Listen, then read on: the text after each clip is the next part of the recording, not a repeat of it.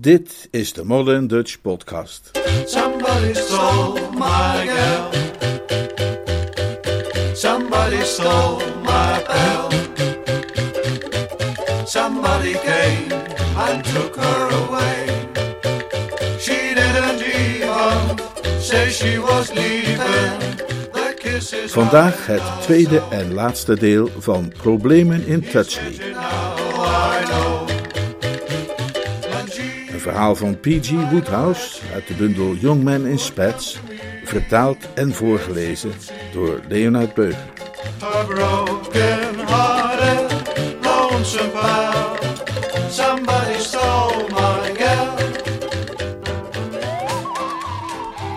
Korte inhoud van het voorafgaande. In de Drones Club probeert een van de leden namens Freddie Widgeon een boek met Tennyson's dichtwerken te verkopen, maar niemand is geïnteresseerd. De andere drones zijn geschokt dat Freddie zo'n boek zou hebben aangeschaft. Hij blijkt dat te hebben gedaan om indruk te maken op een meisje en daar zit het volgende verhaal aan vast. Freddy ging naar een stadje Tutsley in Worcestershire om te vissen. Hij werd er verliefd op April Caraway, die op Tutsley Court woont. April las aan haar jongere zusje Prudence voor uit een boek met de verzamelde dichtwerken van Alfred Lord Tennyson. Freddy koopt ook een exemplaar om indruk te kunnen maken op April. Hij ontmoet kapitein Bradbury, een intimiderend militair uit het Brits-Indiaanse leger en een jaloerse rivaal voor wat betreft April. Freddy leest De Vrouwen van Charlotte van Tennyson en weet April inderdaad voor zich te interesseren door de dichter met haar te bespreken. Ze stemt ermee in de volgende dag met hem te gaan roeien en picknicken. Bradbury bedreigt Freddy, maar Freddy blijft onverschrokken. Als zij de volgende dag in de boot zit te wachten, komt niet April opdagen, maar haar kleine zusje Prudence, die hem vertelt dat April niet kan komen. April zal proberen later te komen en Freddy moet dan maar zo lang Prudence meenemen. Hij gaat dus op weg met het kind. Prudence ziet dat Freddy het boek met de dichtwerken van Tennyson bij zich heeft en spreekt hem daarover aan.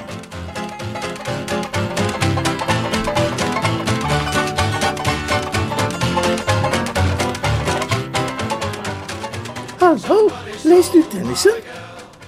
Dat was ik aan het doen voor we vertrokken. En straks zal ik zeker nog even verder in dat boek duiken. Mij zul je doorgaans bezig zien met het werk van de beroemde zanger als ik ook maar vijf minuutjes over heb. U wilt toch niet zeggen dat u daar echt iets aan vindt? Maar natuurlijk wel. Wie niet? Nou, ik niet. Ik moest hem lezen van April, maar ik vind hem vreselijk zoetsappig. Hij is helemaal niet zoetsappig. Hij is verdomd goed. Maar eh, vindt u die meisjes bij hem dan geen afschuwelijke kwijlenbabbels?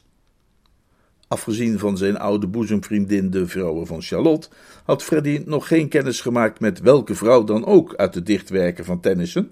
Maar hij had sterk het gevoel dat als zij goed genoeg waren voor April Caraway, zij ook goed genoeg waren voor een opdondertje met groene ogen en een neus vol sproeten, en dat zei hij dan ook op niet mis te verstaande toon.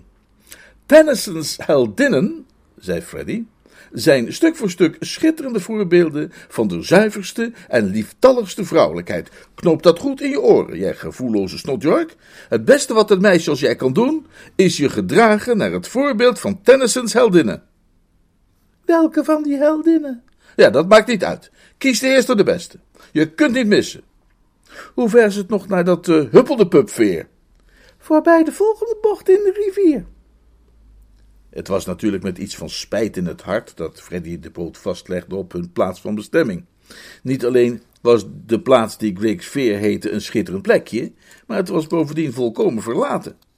Achter de bomen viel een huisje te onderscheiden, maar dat zag er niet erg bewoond uit. Het enige levende wezen voor kilometers in de omtrek was zo te zien het oude paard, dat langs de oever wat aan het gras stond te knabbelen. Met andere woorden, als April hier was geweest in plaats van dat wurm, had geen menselijk oog hun zalige eenzaamheid kunnen verstoren en zouden ze elkaar Tennyson hebben kunnen voorlezen totdat ze duizelden zonder dat er iemand zou gaan piepen. Een bedroevende gedachte, vanzelfsprekend, maar ja. Daar het roeien hem een stevige trek had bezorgd, zette hij die weemoedige overpeinzingen uit zijn hoofd en begon hij de picknickmand uit te pakken. En na twintig minuten, tijdens welke periode geen ander geluid de stilte had verbroken dan dat van malende kaken, leek het hem misschien wel op zijn plaats om wat met zijn jeugdige gast te babbelen. Um, genoeg gehad? vroeg hij. Nee, zei het kind, maar er is niet meer. Oh, jij kunt nogal wat verstouwen, moet ik zeggen. Ja, de meisjes op school noemen me Lena de lintworm, zei het meisje met iets van trots in haar stem. Plotseling trof het Freddy een beetje eigenaardig dat dit kind zomaar los rondliep terwijl het nog niet eens half juli was. De zomervakantie begon, voor zover hij zich herinnerde, toch altijd pas rond 1 augustus. Zeg, waarom zit jij eigenlijk niet op school? Daar ben ik vorige maand afgetrapt. Echt waar? vroeg Freddy, geïnteresseerd. Hebben ze jou van school gestuurd? Hoezo? Voor het schieten op varkens. Voor het schieten op varkens? Met pijl? Nou ja, eigenlijk op één varken. Percival namelijk, het varken van Miss Maitland, het hoofd van de school. Doet u wel eens alsof u iemand bent uit een boek? Nee, nooit. Je moet trouwens niet van het onderwerp afwijken. Ik wil graag precies weten hoe dat zit met dat varken. Ik wijk helemaal niet af van het onderwerp. Ik speelde Wilhelm Tell. De beroemde appelschutter bedoel je?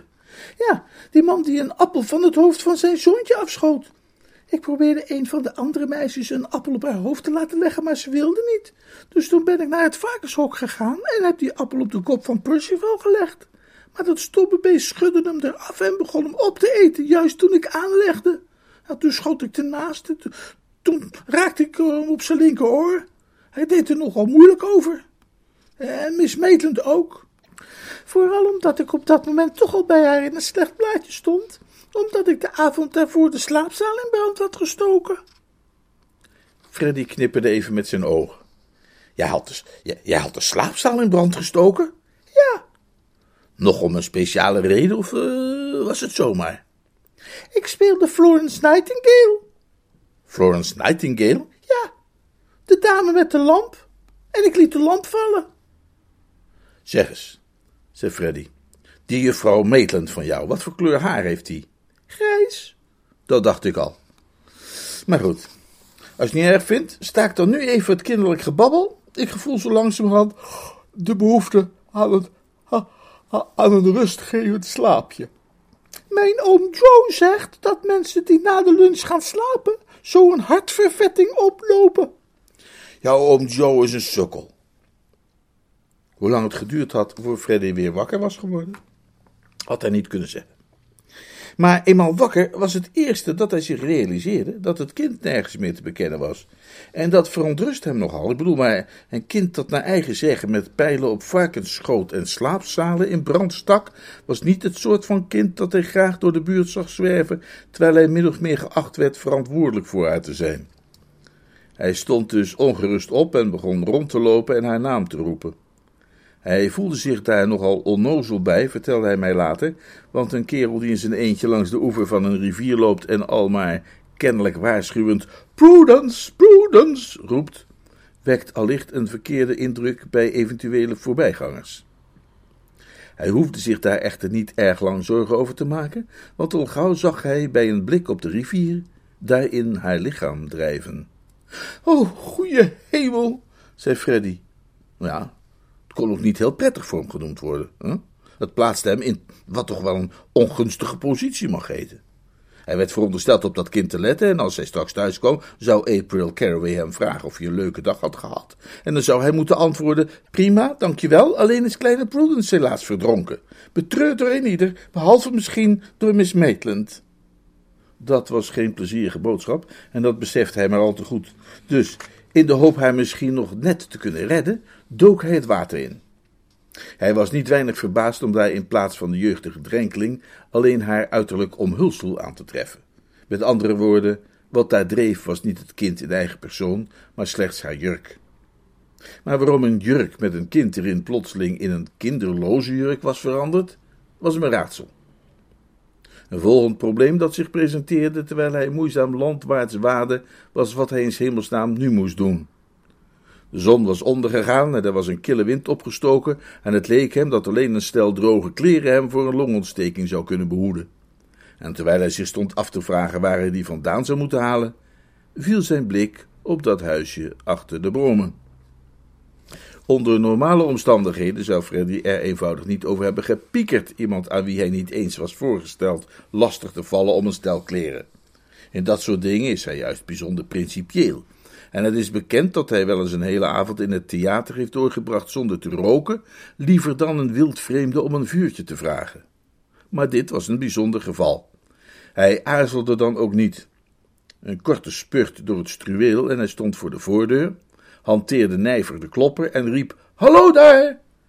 Maar toen er na drie minuten nog niemand was komen opdagen, maakte hij de schrandere gevolgtrekking dat er vermoedelijk niemand thuis was. Tja, dat sloot eigenlijk naadloos aan bij zijn wensen, uiteraard. Hij gaf er verre de voorkeur aan even snel naar binnen te piepen en zichzelf te bedienen, dan eerst moeizaam de situatie te moeten gaan uitleggen aan iemand en dan natuurlijk weer zo'n druiloor die nergens iets van begreep. Dat zou je altijd zien. Toen hij bespeurde dat de deur niet op slot was, haastte hij zich dan ook naar binnen en klauterde de trap op naar de slaapkamer op de eerste verdieping. Alles was prima in orde. Naast het bed stond een kleerkast met daarin een ruime keus aan kledingstukken. Hij hengelde een keurig pak van geruite tweed tevoorschijn en vond in de verschillende laden ook een overhemd, een das en een poel over. Hij begon vervolgens zijn natte kleren uit te trekken en deze drogen aan. Terwijl hij dat deed, dacht hij verder na over de mysterieuze verdwijning van het kind Prudence. Hij vroeg zich af wat Sherlock Holmes erover gedacht zou hebben, of anders wel Lord Peter Wimsey. Het enige dat vaststond was dat hij, zodra hij weer was aangekleed, als een speer het omringende landschap naar dat kind moest gaan doorzoeken.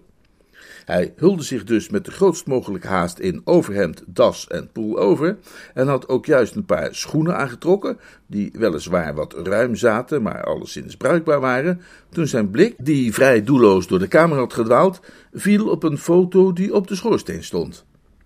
Op die foto was een jonge man te zien, met een krachtige gestalte, die schaars gekleed op een stoel had plaatsgenomen. Hij droeg een achtenswaardige uitdrukking op het gelaat, een indrukwekkende zilveren beker op zijn knieën en bokshandschoenen aan zijn handen. En ondanks die achtenswaardige uitdrukking herkende hij dat gelaat moeiteloos als dat van zijn afschuwwekkende medeminnaar, kapitein Bradbury. En op dat moment, juist toen hij besefte dat het noodlot, dat de hele dag al tamelijk onheilspellend met hem was omgegaan, de kroon op het werk had geplaatst door hem het schuilhol van zijn rivaal binnen te lokken, hoorde hij het geluid van voetstappen beneden in de tuin. Hij vloog naar het raam en zag zijn grootste angst bevestigd. De kapitein, die er groter en sterker uitzag dan ooit, liep over het grindpad in de richting van de voordeur, en die deur, herinnerde Freddy zich geschrokken, had hij opengelaten. Nu is Freddy, zoals u weet, niet bepaald het dromerige of meditatieve type, nooit geweest. Ik zou hem willen beschrijven als in wezen een man van de daad. Hij ging dan ook onverwijld tot actie over. Naar hij me vertelt, zou zelfs een gems of berggeit, nou ja, hoogstens na een intensieve extra training, niet sneller die trap hebben kunnen afdalen.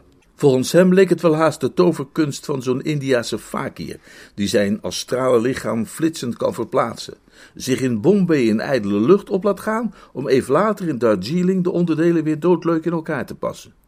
Met als resultaat in elk geval dat hij de voordeur bereikte, precies op het moment dat kapitein Bradbury naar binnen wilde gaan en hij hem de deur in het gezicht kon werpen.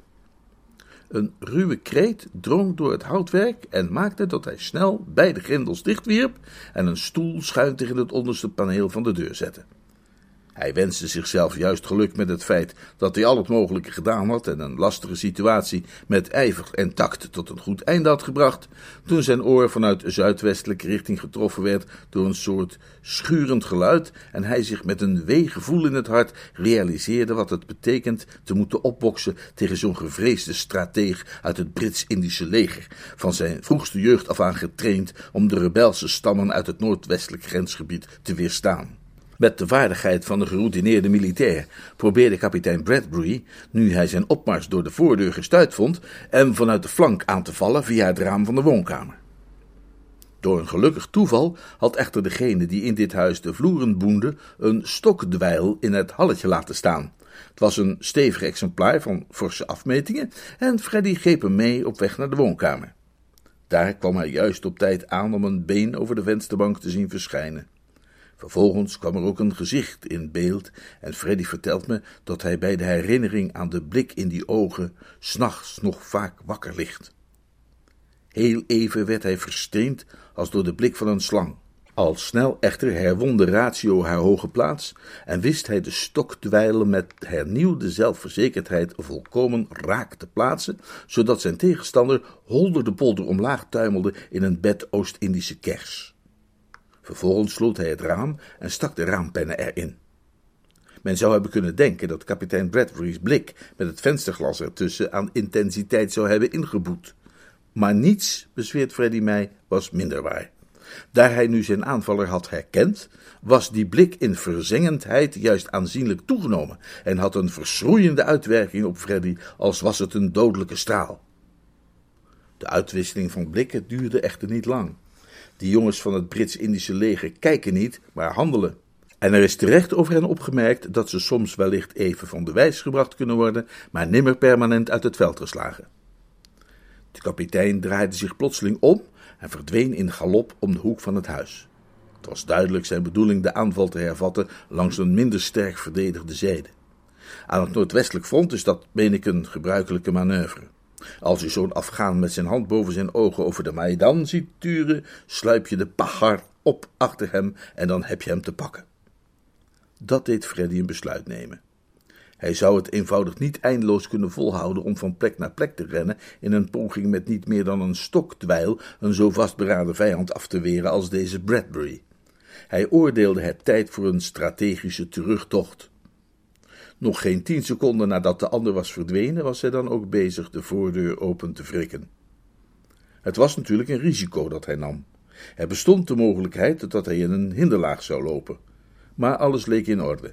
De kapitein was kennelijk echt achterom gelopen en Freddy bereikte het hek van de tuin met het geruststellende gevoel dat hij over enkele seconden in het vrije veld zou staan, in staat de gevarenzone zo snel als hij kon te ontvluchten.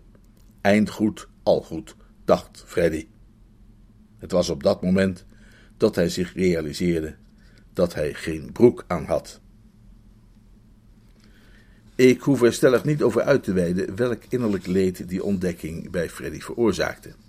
Niet alleen is hij een toonbeeld van zedigheid, ook is hij iemand die zich erop laat voorstaan altijd correct en passend gekleed te gaan, al naar de gelegenheid dat vereist in de stad dan wel ten plattelande.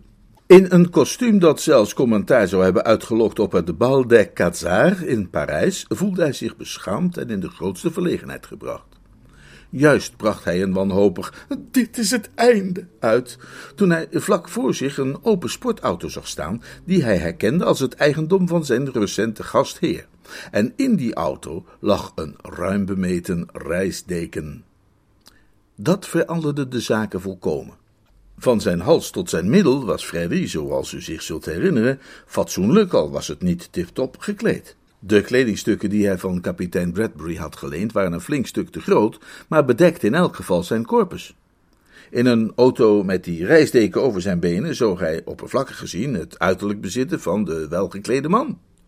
Hij aarzelde niet. Hij had nooit eerder een auto gestolen, maar deed dat bij deze gelegenheid met de soepele routine van een doorgewinterde autodief.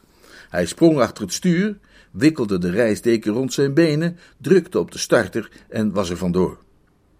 Hij had zijn plannen keurig uitgestippeld. Het was zijn bedoeling regelrecht naar de Blauwe Leeuw te rijden. Daar aangekomen zou hij vliegensvlucht door de lobby en langs de trap omhoog naar zijn kamer gaan, waar hij niet minder dan zeven pantalons tot zijn beschikking had. En daar de lobby gewoonlijk leeg en verlaten was, afgezien van de opgeschoten knaap die verantwoordelijk was voor het reinigen van de messen en het poetsen van de schoenen, en die hoogstens even vrolijk zou grinniken en er verder geen gedachte aan zou wijden, verwachtte hij verder geen problemen. Men weet het echter maar nooit. Men maakt zijn plannen, overweegt hij nog eens in gedachten en ziet er geen enkele tekortkoming in. Maar dan gebeurt er toch opeens het een of ander, zomaar vanuit het niets, waardoor ze volkomen in het water vallen. Freddy had nog geen halve kilometer afgelegd toen een meisjesgestalte uit de bosjes langs de weg tevoorschijn sprong en met haar armen begon te zwaaien. Toen hij dichterbij kwam, zag hij dat het April Caraway was. Als je Freddy een paar uur eerder had gezegd dat er een tijd zou komen dat hij niet heel blij zou zijn April Caraway te zien, zou hij je hartelijk hebben uitgelachen. Toch was het zonder genoegen dat hij haar nu ontwaarde. Toen hij de wagen had stilgezet en haar wat beter kon bekijken, leek het hem trouwens dat zij ook niet erg verheugd was hem te zien. Hij kon niet bedenken waarom dat was, maar het was duidelijk dat ze niet vriendelijk keek. Haar gezicht stond strak en ze had een vreemde, kille uitdrukking in haar ogen. Oh, hallo, zei Freddy. Je hebt je dus toch kunnen losmaken van dat lunchgezelschap. Ja. Freddy zette zich schrap om haar het slechte nieuws te brengen.